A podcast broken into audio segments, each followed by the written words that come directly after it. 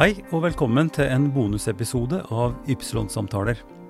Navnet mitt er Ivar Flaten, og jeg er leder for Drammen Sacred Music Festival, som har et nytt program i år som heter Ordet er dekket. Idrett, nærmiljø og tilhørighet er tema for den første samtalen i serien. Programleder for serien er NRK-journalist Bjørn Ola Nordahl. Og denne første samtalen skjedde på Drammensbibliotekets hovedscene lørdag 18.9. Samtalen ble strømma live og kan ses på www.ypsilonsamtaler.no. Den ene av gjestene har sunget seg inn i fotballhistorien for alltid og kalles Mister Strømsgodset. Den andre har bare to foran seg på lista over lengstsittende trenere i toppfotballen i verden. Den tredje var Drillos analytiker da det norske fotballandslaget herja på verdenstoppen. Felles for dem alle er at de har et lidenskapelig forhold til fotballklubben sin og miljøet rundt. Vi snakker om Rune Martinsen, fra Godset, Vegard Hansen fra Mjøndalen og Øyvind Larsen fra Åssida. Har du ei kjerke, en skole og en fotballbane, så har du et lokalsamfunn, sier Øyvind.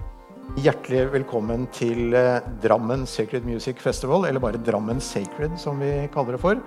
Dette er en festival som tar mål av seg til å bygge bruer og skape møteplasser og sørge for at folk snakker sammen i denne byen som vi er så glad i alle sammen. Og eh, så er det sånn at vi har et helt nytt konsept som vi presenterer, og som dere er så heldige og så hyggelige å få lov til å være med på for aller første gang. Det har vi kalt 'Ordet er dekket'. Så vær hjertelig velkommen til 'Ordet er dekket'. Dette er et samtaleprogram hvor vi inviterer eh, profilerte folk i større eller mindre grad som skal snakke om viktige ting Ting som er spennende, ting som er utfordrende, ting som er vanskelig, ting som betyr noen ting. Og vi lar dem få lov til å snakke ut. Så vi har en times tid sammen her nå hvor vi skal snakke om noe som er veldig viktig for veldig mange, men som vi sjelden har snakka om i Drammen Sacred Music Festival, nemlig idrett, enda mer bestemt fotball. Og I dag skal vi snakke om fotballens betydning for identitetsbygging, for nærmiljøet og hva den gjør med oss som mennesker og som folk som bor sammen. Da har vi invitert tre ganske kjente og profilerte personer i nærmiljøet her. Det er Øyvind Larsen, som noen vil si kanskje bor på Årvoll, men i hjertet så bor han fortsatt på Åsia. Eh, det er Vegard Hansen, som er den i verden nesten som har trent en toppklubb lengst. Det begynner vel å bli en 16-17 år nå. Han har vært i Mjøndalen. Og så er det Rune Martinsen, som bare blir kalt for Mr. Strømsgodset, og som har sunget godset inn i historien for ever and ever. De skal vi få høre snakke sammen om fotballens betydning for identitetsdannelse, og hva fotballen kan bety for et nærmiljø. Aller først så skal vi ønske velkommen Øyvind Larsen. Han jobber til daglig i Norges Fotballforbund med analyse, og han var Drillos eh, magic videoanalytiker da det norske fotballandslaget var helt oppe på toppen av Fifa-rankingen en gang på 90-tallet. Nå er vi nede på 30-tallet et eller annet sted. Vi rykka vel opp fire plasser etter den siste runden. Men Øyvind, vær så god, kom og sett deg her, og gi ham en liten applaus. Velkommen. Skal vi gjøre sånn? Det er vel sånn vi gjør nå for tida fortsatt? Yep. Du er vel fullvaksinert, du ser ut som en voksen mann. så... Åssen kjennes det å komme tilbake til byen din? Det er jo fantastisk. vet du. Når jeg var guttunge, så kunne du gå tørrskodd over her, for da var det bare møkk. Så det, det er framskritt. Det er framskritt. Jeg har også stått der borte og pepra dasskakene med småstein for å se om vi fikk dem til å synke. Men først og fremst Øyvind, så har vi invitert deg fordi eh, du er eh, Åsia-gutt. Eh, du er ikke bare Åsia-gutt, men du har også skrevet om det. Du har skrevet to bøker om det å være fra Åsia. Og faen er det deg, og faen er det deg igjen. Og så kommer det snart en ny bok som heter 'Alle veier fører til Tverken'. Som handler om juvelen som Åsia idrettsforening forvalter i Drammensmarka, nemlig Tverken. Eh, ellers så livnærer du deg på Norges Fotballbunds eh, lokaler på Ullevål stadion til daglig. Eh, og som sagt har drevet mye med fotballanalyse opp igjennom. Men i dag skal vi snakke om nærmiljø. Nå skal jeg finne fram manuset mitt. Nærmiljø, identitet og idrett. Og jeg skal bare skru klokka noen måneder tilbake, nærmere bestemt til søndag 25. juli i år, klokka 1800. Da møtte Åsia Mjøndalen i første runde i cupen.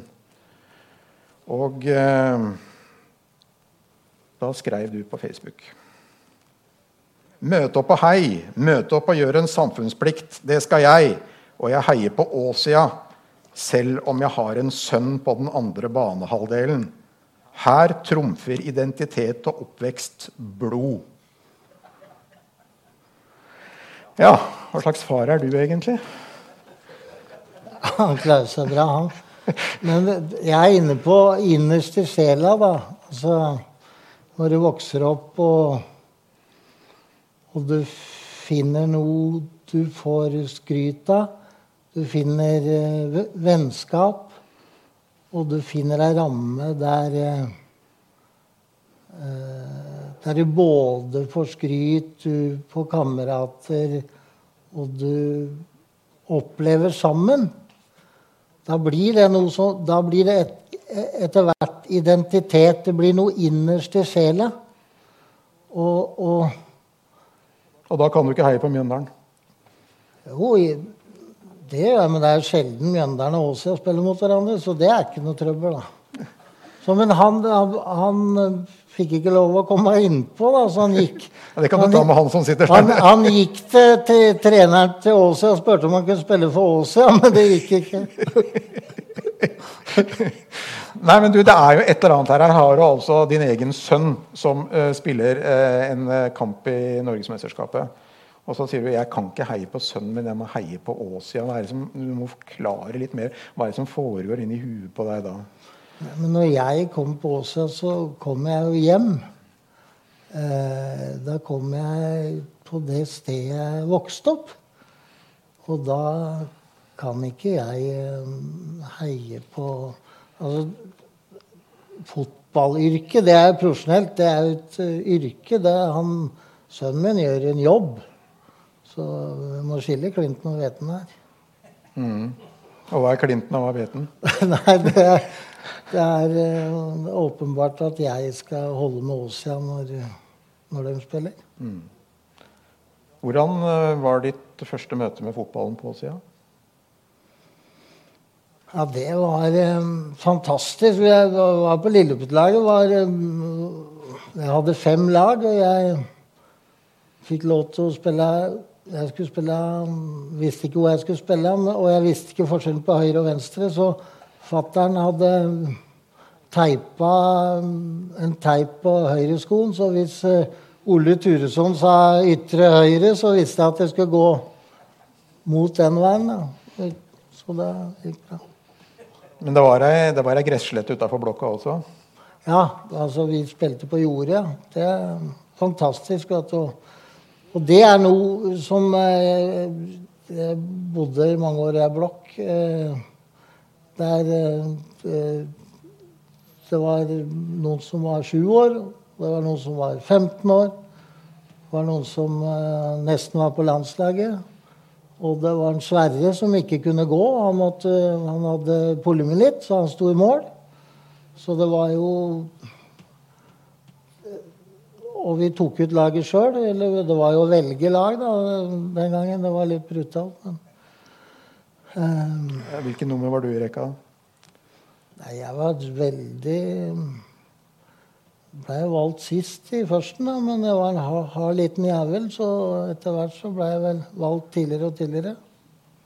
Hva gjør dette med deg som person? Nei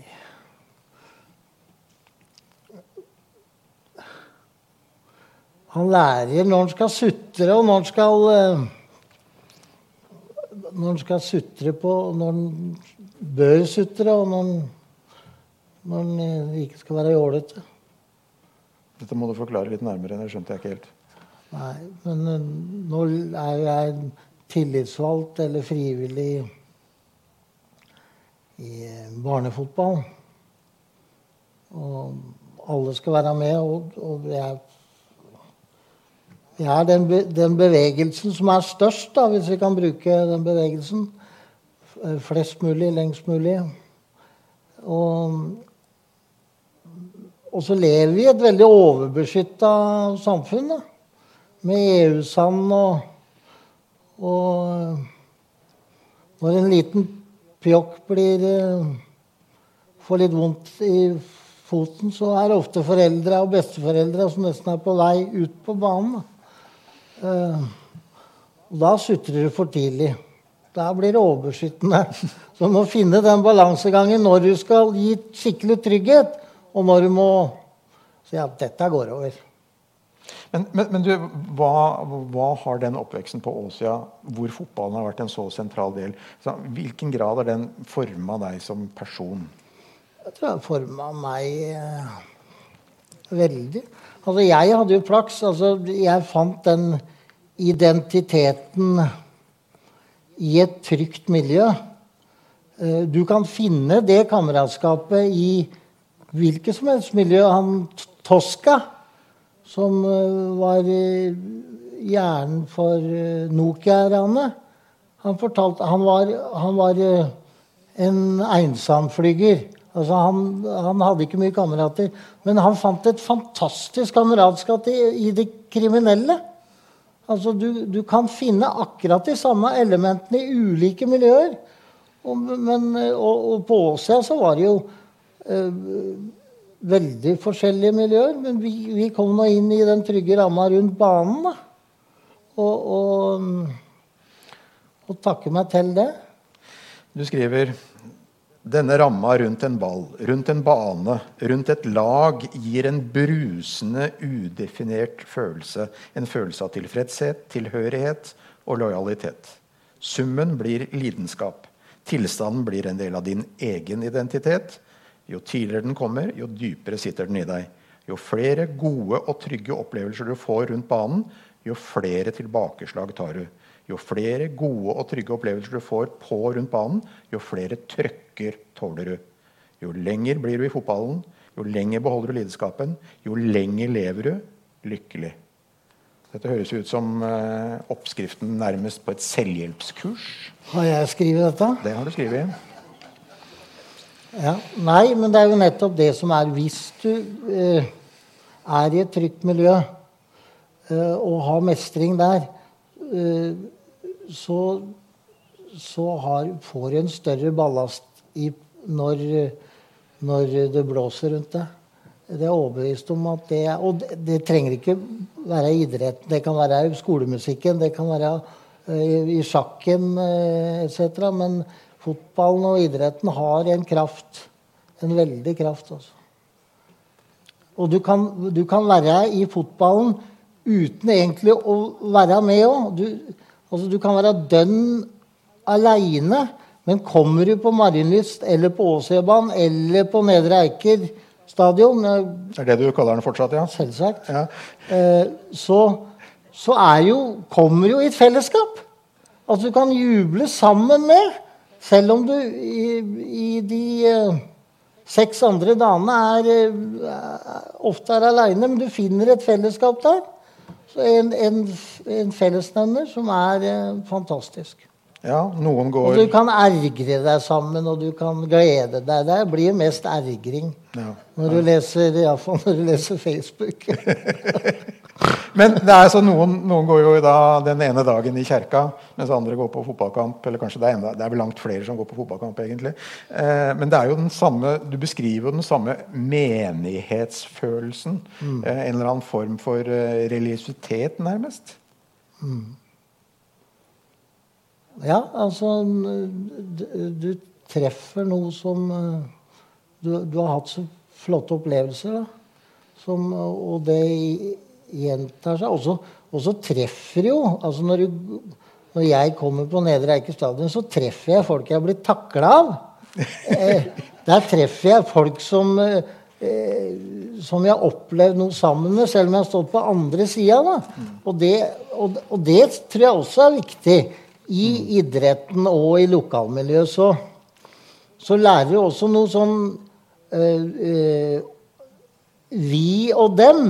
Altså en sånn uskyldig eh, rivalitetsfølelse. Eh, at, at jeg, jeg, altså første, Den første vuggesangen jeg fikk høre av fattern når jeg satt der, det var 'Lære krype, lære gå, lære hate DBK'. altså, og det er jo Det kan jo virke brutalt, men det var jo med, med en trygghet, og jeg har kamerater på bakklubben, jeg.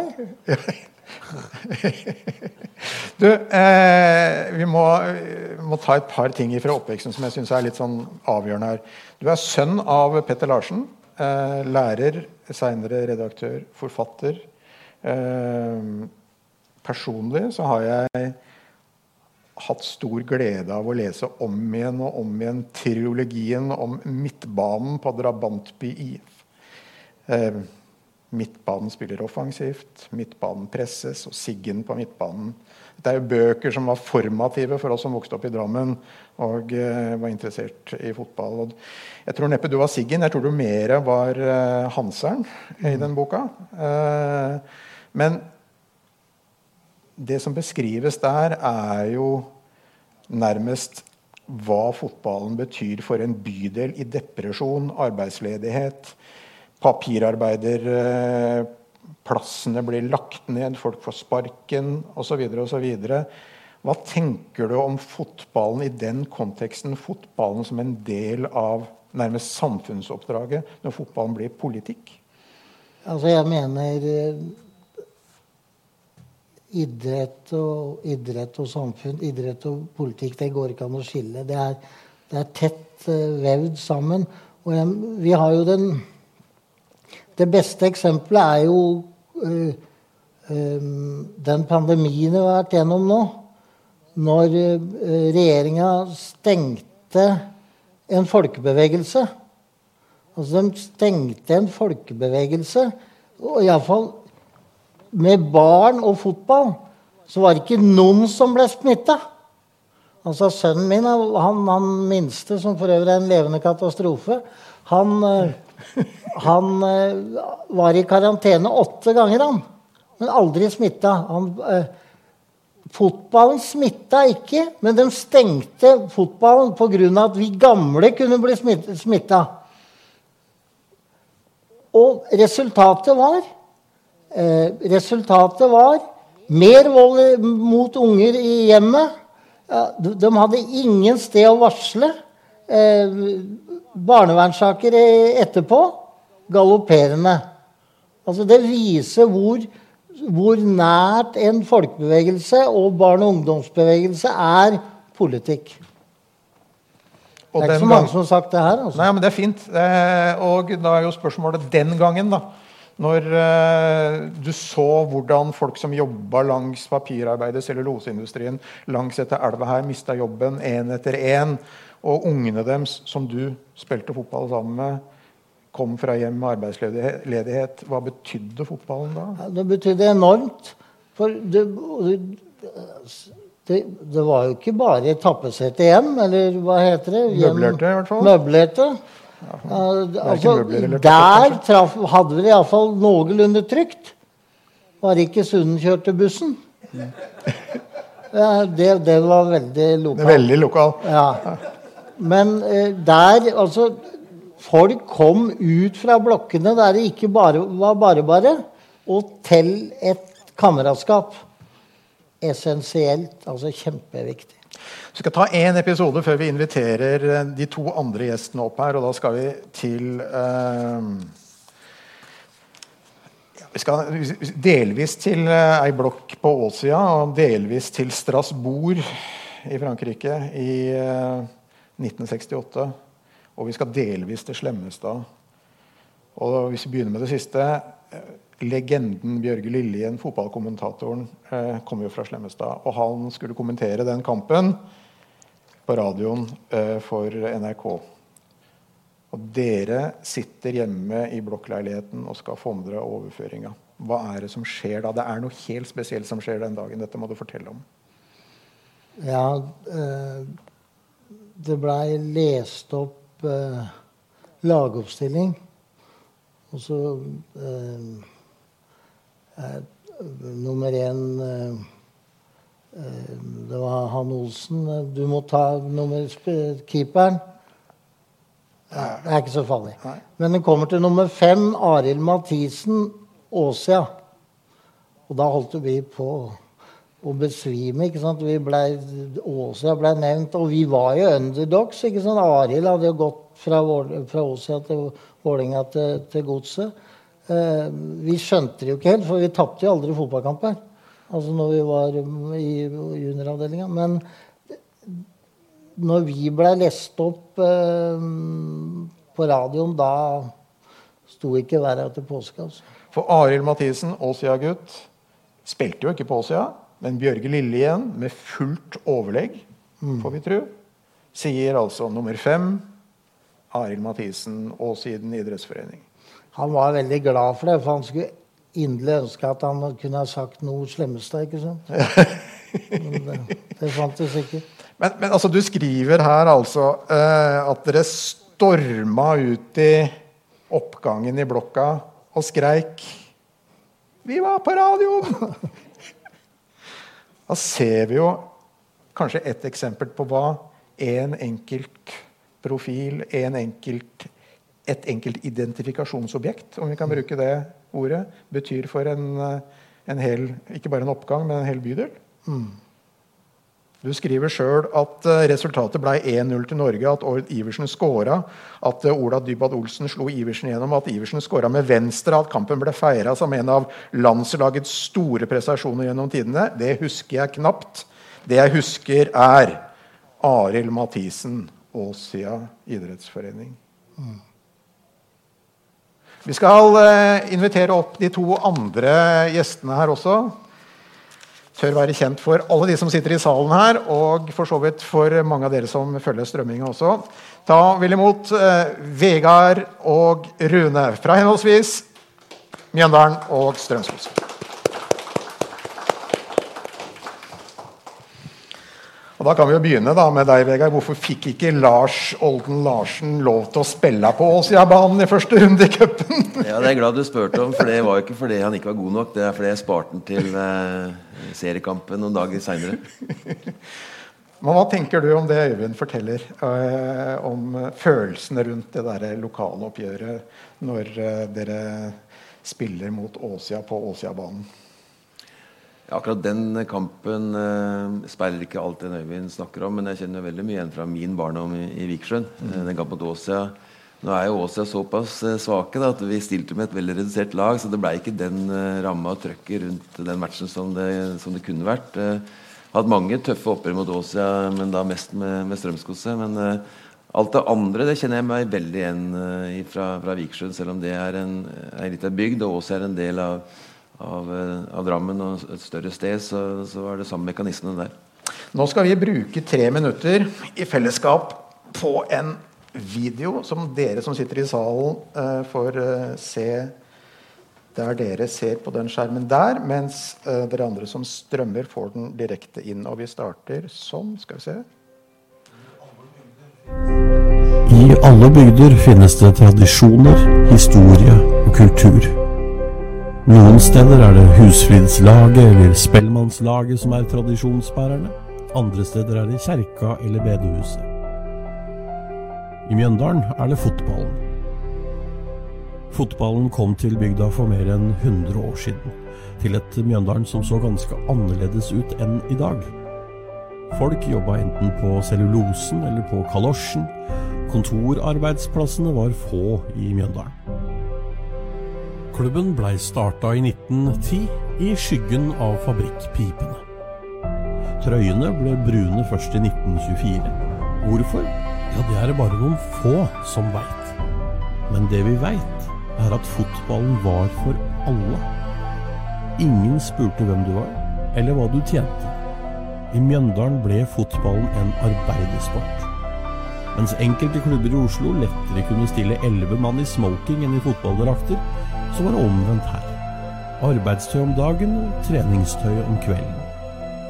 De samme karene som monterte maskinen om dagen, trente fotball om kvelden. Likemenn på jobben, likemenn på banen. Solidariske på jobben, solidariske på banen. Dette var folk som visste alt om samhold, fellesskap og styrke. Og dette var folk som visste hva lagånd var lenge før de hadde sett en fotball.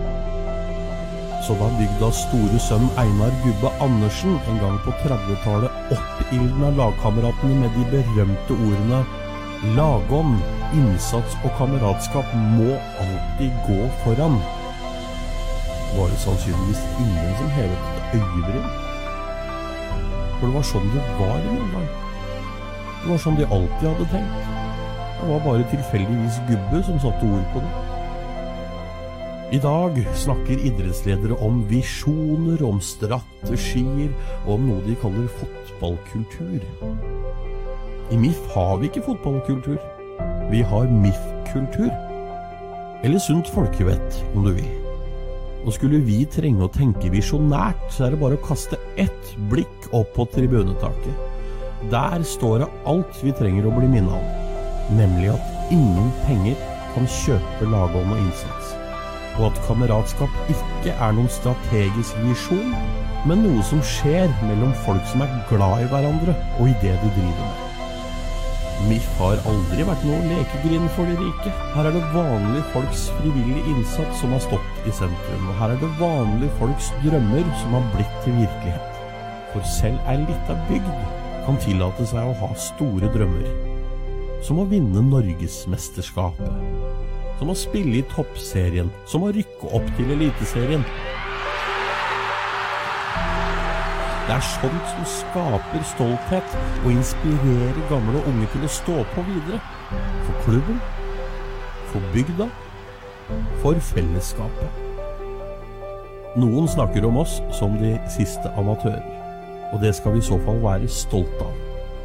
For, som det heter i sangen, en amatør, det er en som elsker det han gjør.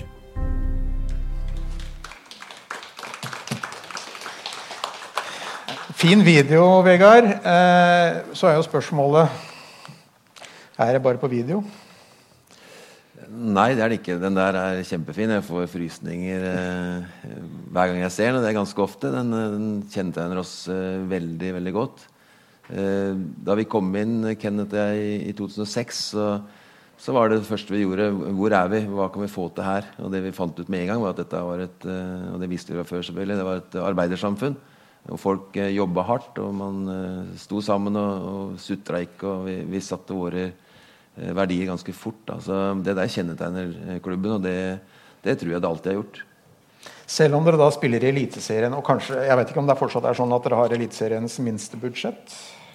Ja, sammen med Sandefjord antageligvis. Ja. Ja. Eh, så er det allikevel sånn at eh, du driver jo og shopper, du òg. Spillere seinest fra Sverige. Eh, og da er jo ikke sånn spørsmålet hvordan tenker du at det at man befinner seg i Eliteserien med spillere som man knapt klarer å uttale navnet på noen ganger, jeg i hvert fall ikke har hørt om før de kommer til Mjøndalen og spiller på Konsto Arena eller Nedre Eiker stadion, som du sier. Eh, hvordan skal det klare å skape en eller annen form for fellesskapsfølelse og identitet i ei lita bygd? Verden går framover, da. Eh, også i Mjøndalen, faktisk. Så, så, jeg tror ingen i Mjøndalen forventer at et A-lag i Mjøndalen skal bestå av folk fra Arbeidergata. Sånn, eh, det er utopi, og det, det veit eh, alle. Så vi henger med så godt vi kan. Vi, vi, ønsker å være med i den kommersielle delen av fotballen. Vi, vi er nødt til det eh, for å hevde oss. Så når vi har uh, våre 35-37 millioner i budsjett, så, så veit vi at vi, vi er uh, minst og, og, må være flinkest på andre ting. Uh, og det å rekruttere og, og drive med spillelogistikk, det er veldig veldig viktig for oss også. Vi har innsett for lenge lenge siden at vi kan ikke hente spillere verken fra Mjøndalen eller eller Buskerud for den saks skyld, eh, aleine. Vi er nødt til å ut av distriktet, ut av landet også. Så, så vi er med på den karusellen uh, uten å skamme oss over det. Vi, vi, har ikke noe valg, vi. Men når de da kommer, disse nye spillerne, og skal bli en del av denne kulturen, hva er det du formidler for noe, da? Ja, Der er vi kanskje litt annerledes. Vi er veldig tydelige på hva Mjøndalen er, hva slags klubb det er, hva slags sted de kommer til.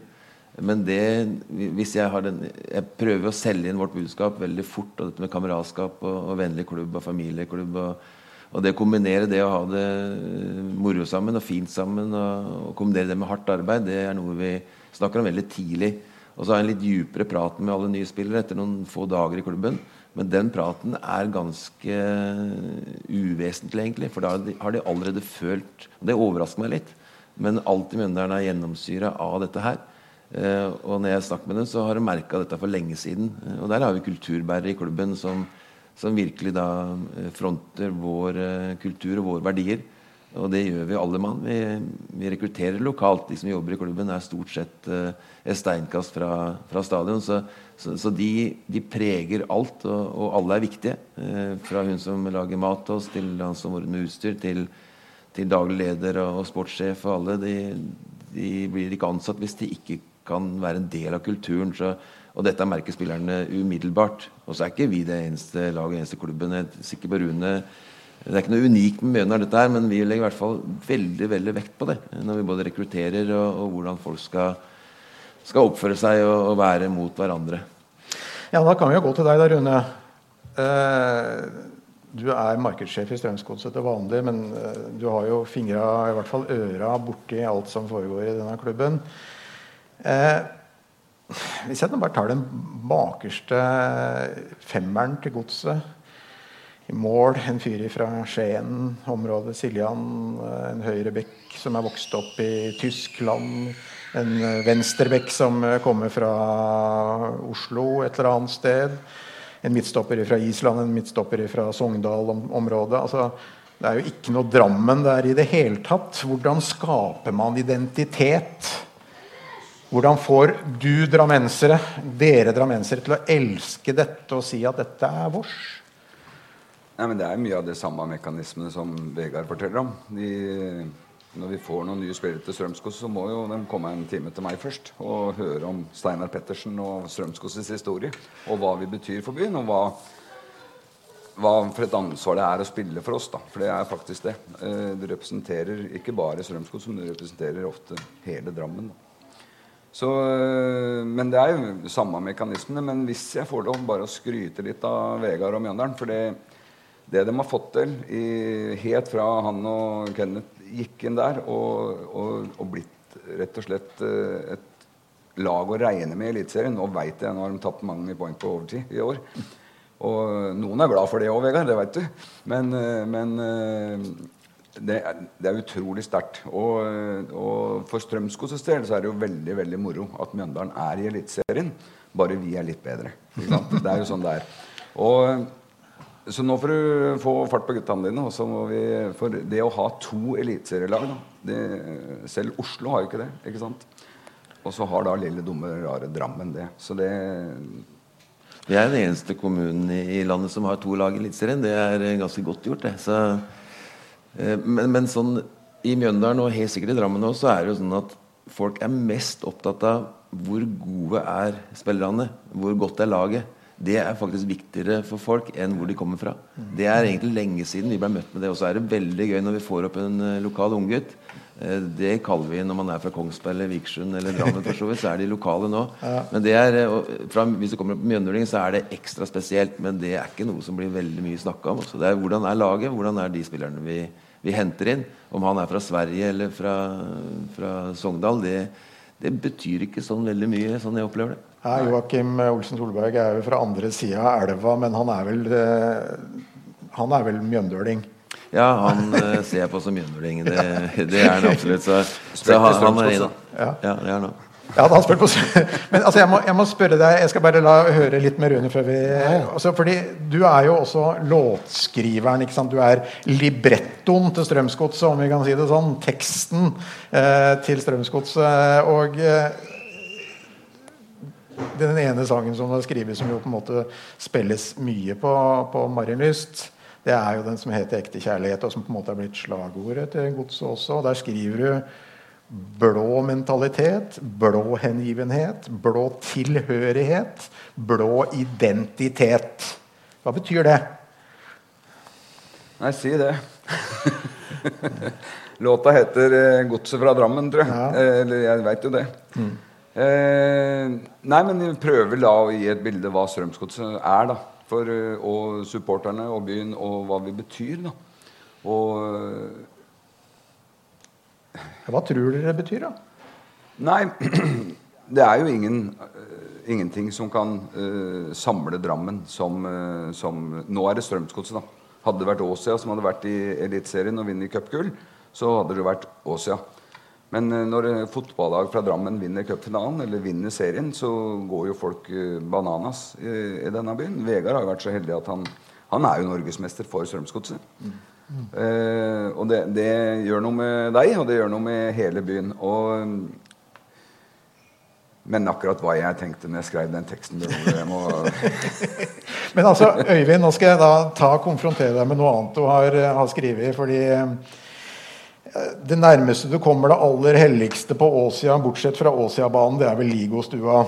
Uh, og uh, du forteller altså da om en gang du kom gående og skulle inn på Ligostua, og der sto Rune Martinsen og sang godsesanger, uh, og du snudde i døra.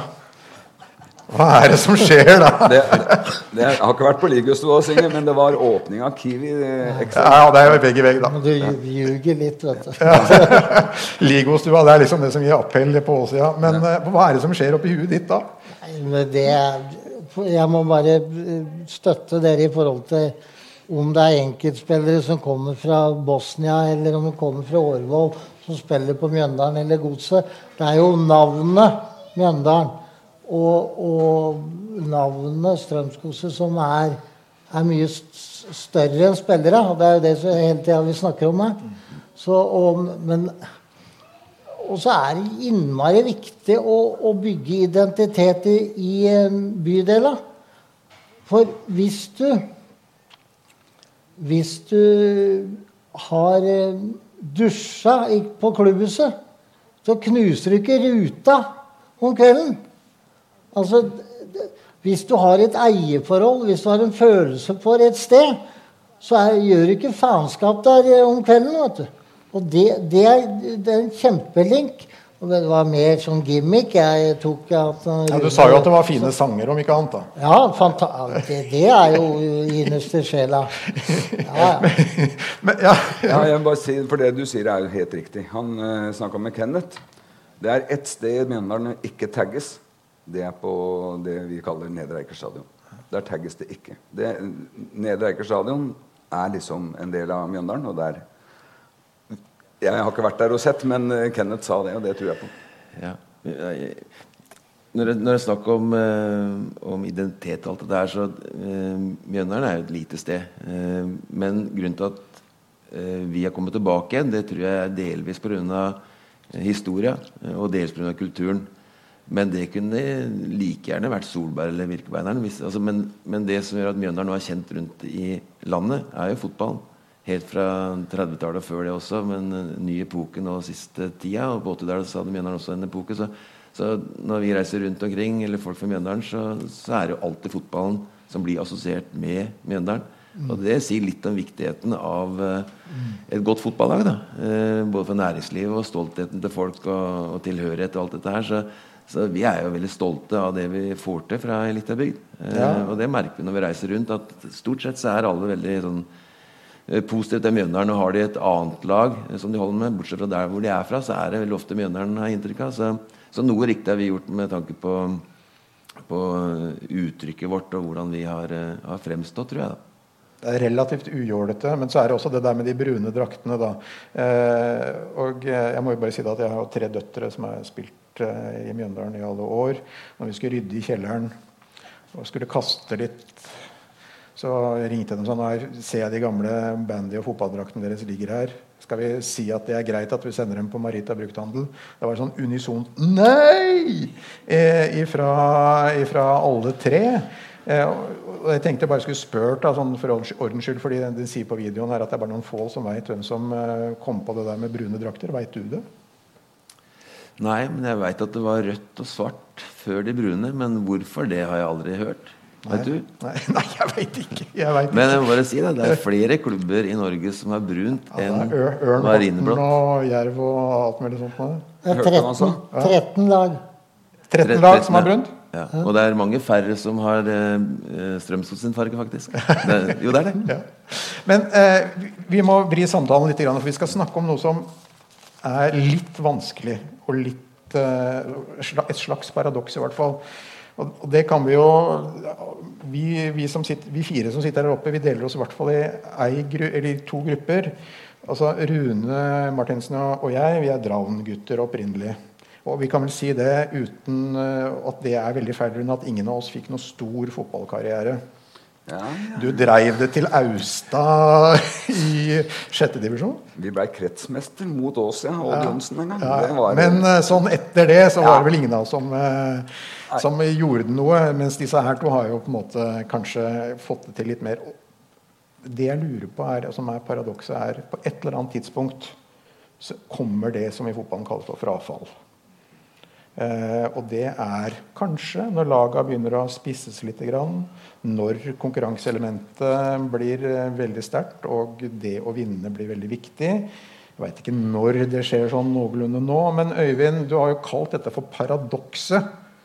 Eh, og at vi dreper en lidenskap hos noen som ikke får det til. Hva tenker du rundt det? Jeg mener jo det er den største utfordringa i idrettsbevegelsen.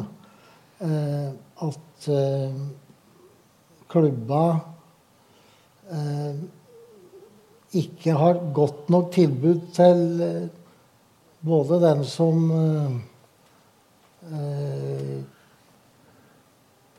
kommer langt, den som er midt imellom, og den som bare har lyst til å spille fotball. Det gjelder altså i hockey. Det, hockey er det største frafallet i Norge.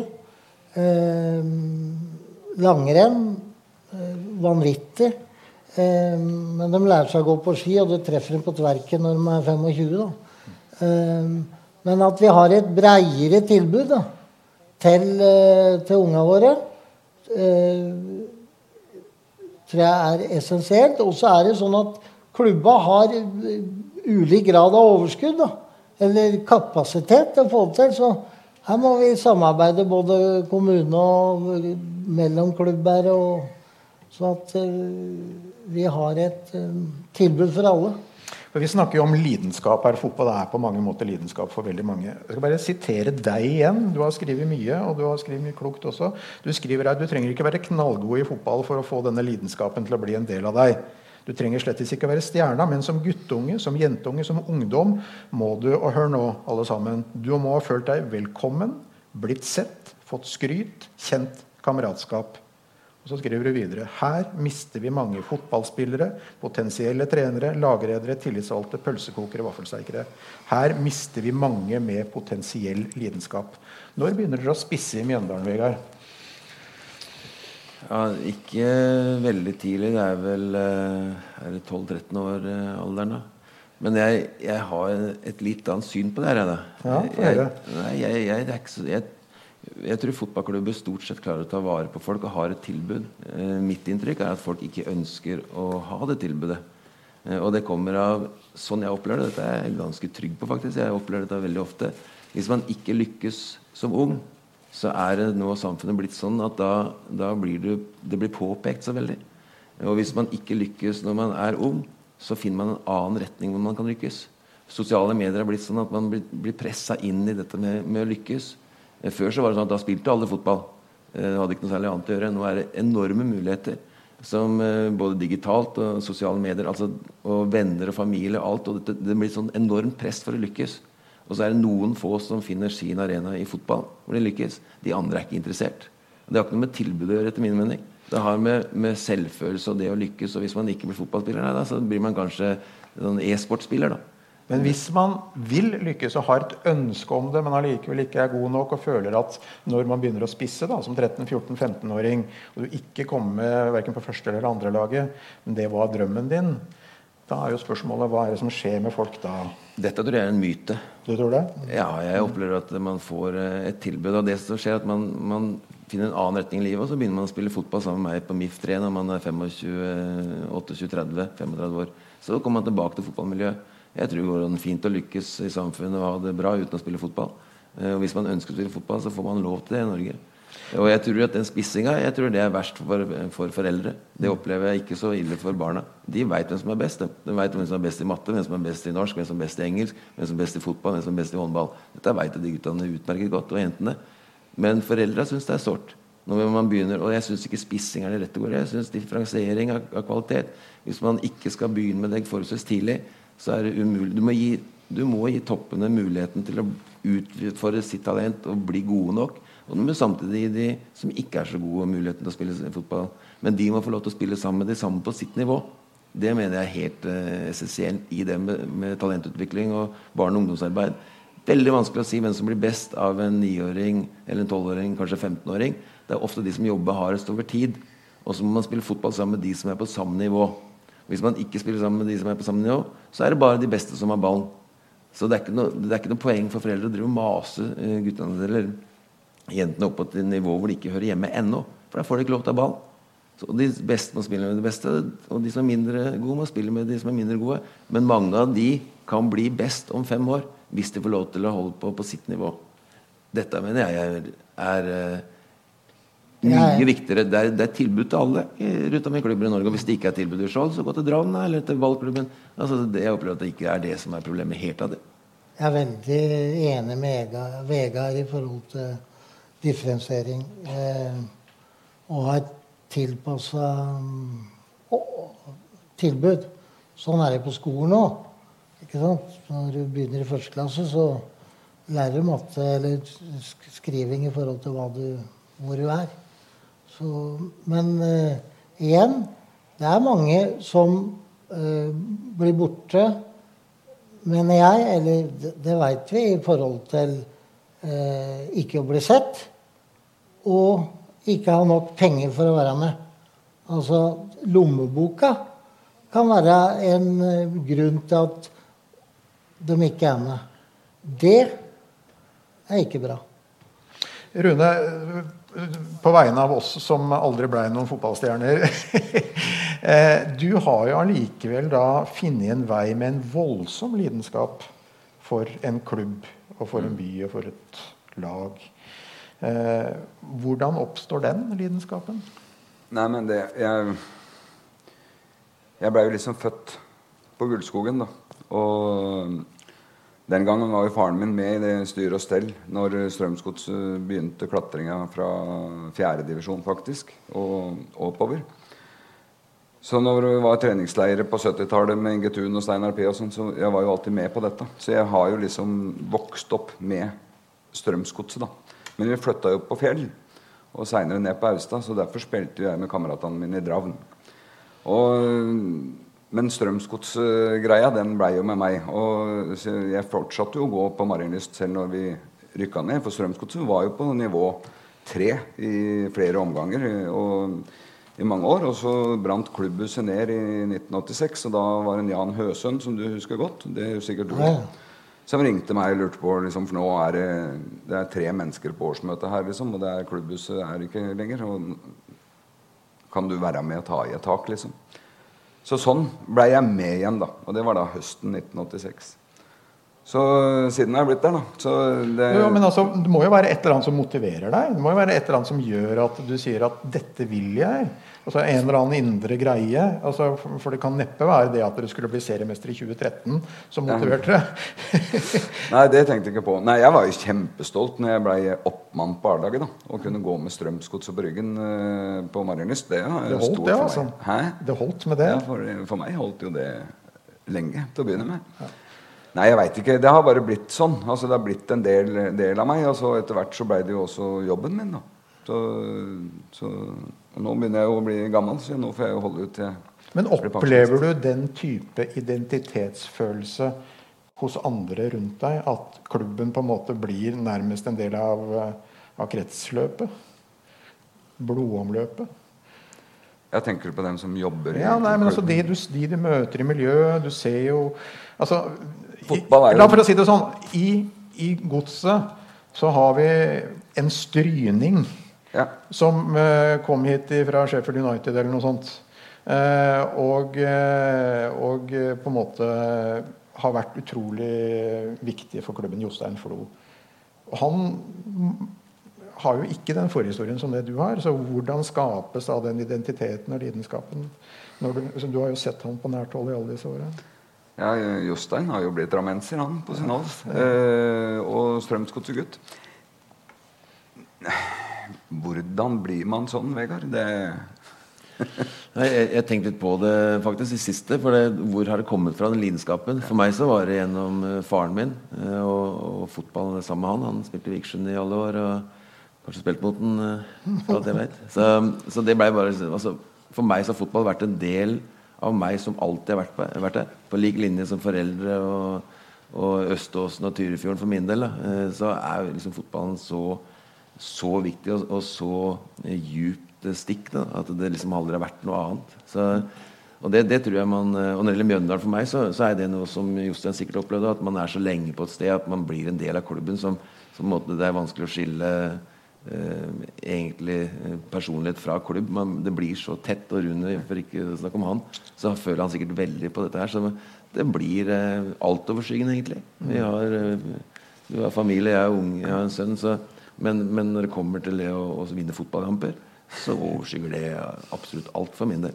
Du, jeg skal vri samtalen litt. Jeg skal holde litt fast ved måte, den rollen man har i lokalmiljøet. Eh, og eh, jeg skal vende tilbake til eh, noe du skrev. For du skrev, hadde en fast spalte. Du skrev i Drammens Tidende en periode.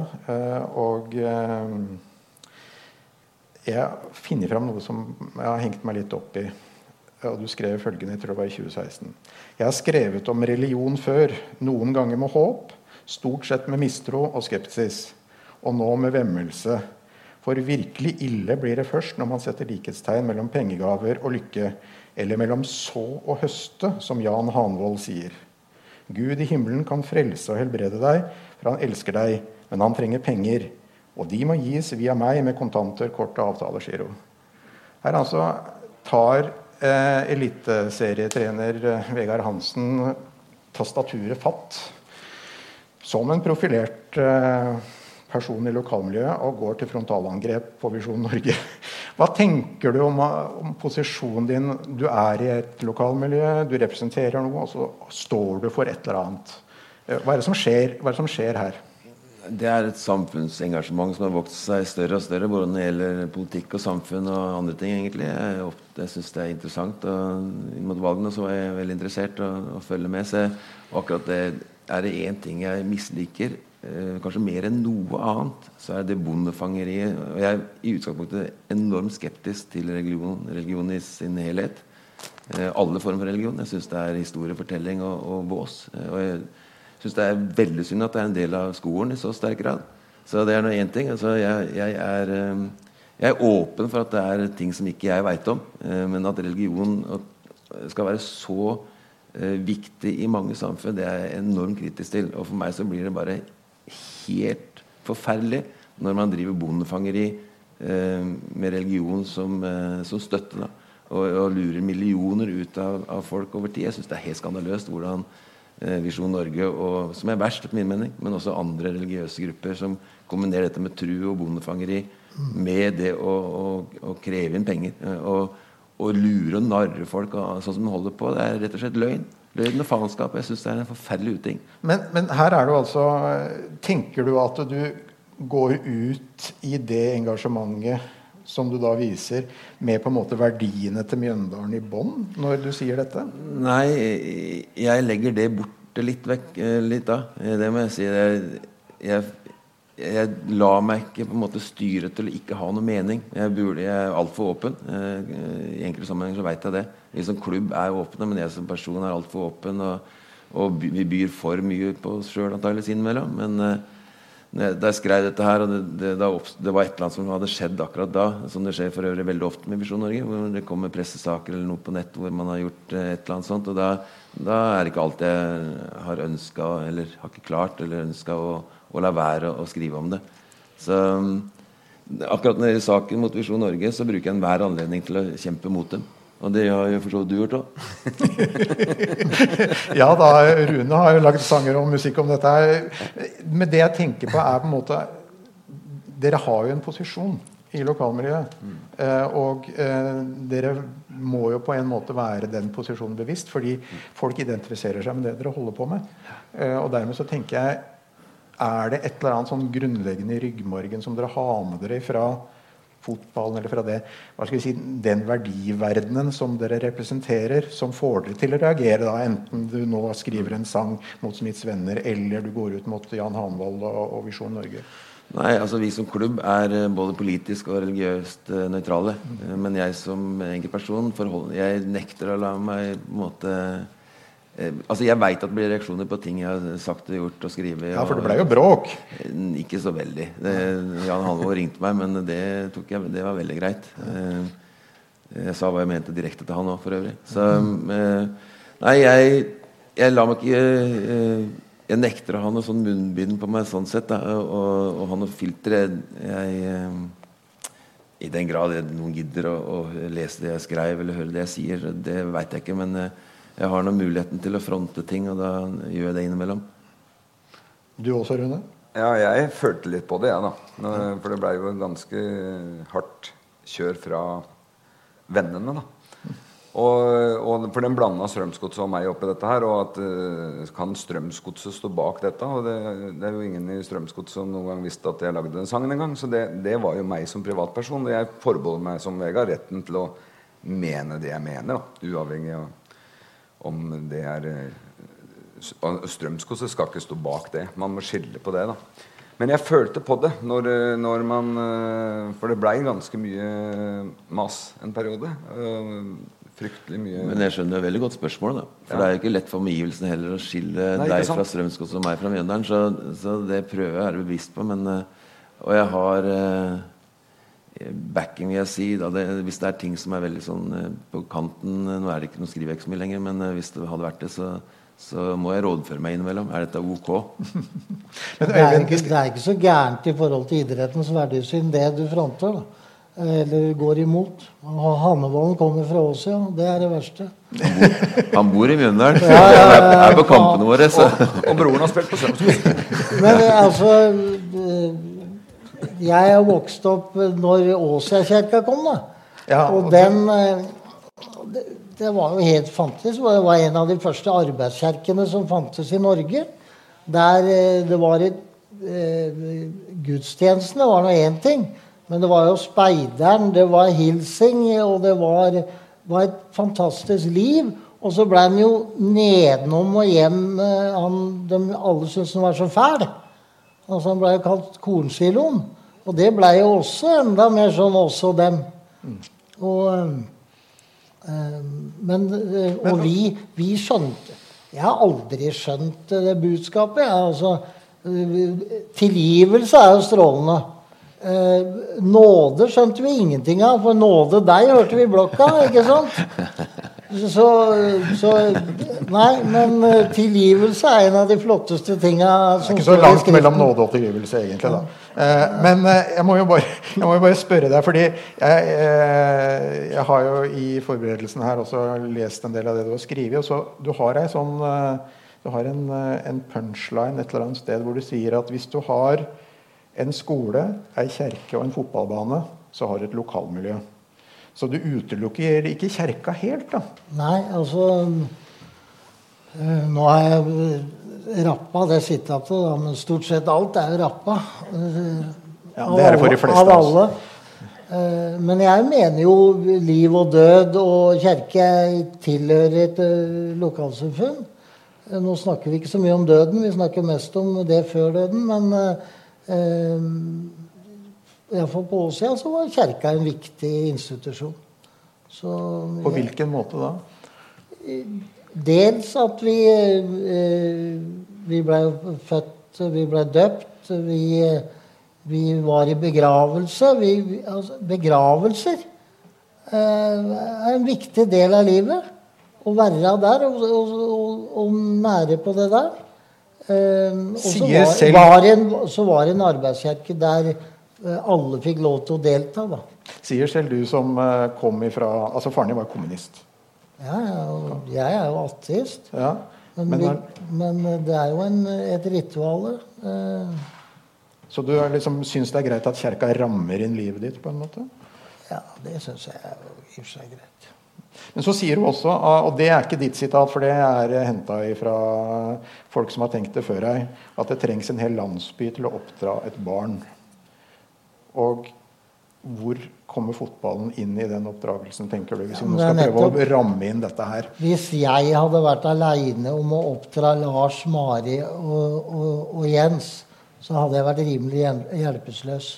Altså når, når unga får lov til å bli påvirka fra flere enn dem som, er, som har blodet, så blir det en, en fin oppdragelse. Altså Vi blir oppdratt via skolen, via idretten, via kamerater og alt det der. Det er da det blir en god oppdragelse.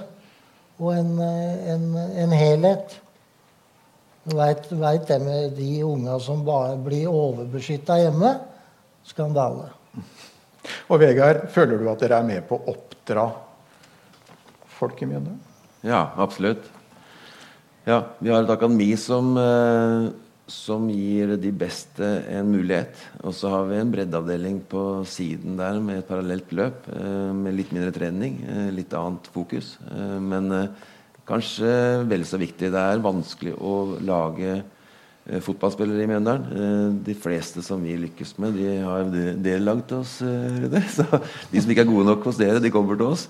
Så det er vel så mange av de som har kommet hos oss. Men, men de som er i bredde breddedelen hos oss, eh, de blir ikke så veldig ofte fotballspillere på vårt eh, første lag, men det blir veldig ofte gode ledere eller dommere eller trenere for sine barn igjen. og er en viktig del av samfunnet og, og derigjennom klubben vår. Det er svært få som bor i Mjøndalen som ikke er en del av Mjøndalen idrettsforening. Da. Ikke bare fotballen, hele foreningen. Så, så, det, så fotballen eh, aller mest, men hele idrettsforeningen er veldig veldig viktig i Mjøndalen. Mye mye viktigere enn kjerka, i hvert fall.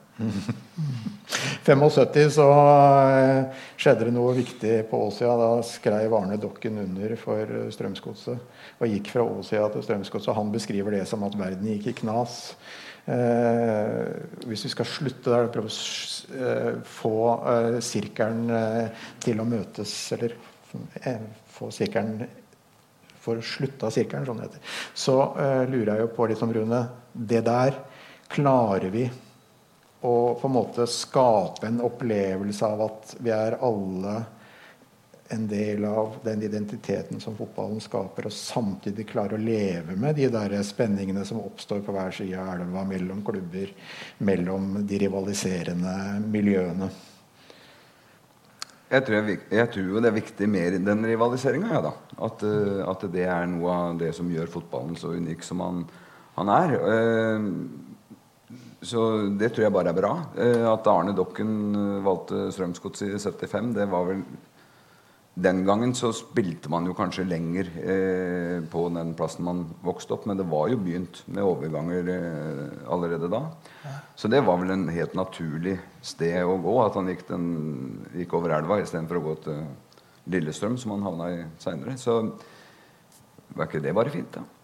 Vi ønsker jo at, eh, som Vegard, altså hvor flere lokale spillere Det er ikke noe som er morsommere for oss nå enn Tobias Gulliksen. ikke sant? 17 år og spiller barlaget. Det er jo alle i Strømsgodset og hele Drammen tror jeg syns det er morsomst. Men når du får en Jostein Flo fra Stryn eller en Dimmy Baranek fra St. Petersburg, liksom, så blir en fort drammensere. Og det er drakta som teller. Det er emblemet på brøstet som er det man spiller for. Da. Og da tror jeg vi skal si tusen takk for samtalen. Nå har vi sittet og prata i litt over en time. Det var kjempehyggelig å ha dere her. Og eh, takk for at dere kom og delte tanker og opplevelser med oss. Både til de som ser på og de som sitter i salen. Og jeg syns vi skal gi dem alle sammen en liten applaus. Du har nå hørt en bonusepisode av podkasten Ypsilon-samtaler. Vi sender flere slike bonusepisoder nå i forbindelse med Drammen Sacred Music Festival. Ordinære episoder de kommer på torsdager. Utgiver av Ypsilon-samtaler er Kirkelig dialogsenter Drammen, eh, og vi er støtta av Drammen kommune, av Einar Juels legat og av Barne- og familiedepartementet. Du finner alle episodene og bonusepisodene på www.ypsilonsamtaler.no. Og vi er veldig glad om du har mulighet til å gi oss et tips på folk som du syns er interessante å kunne snakke med. Takk for at du lyttet til podkasten vår.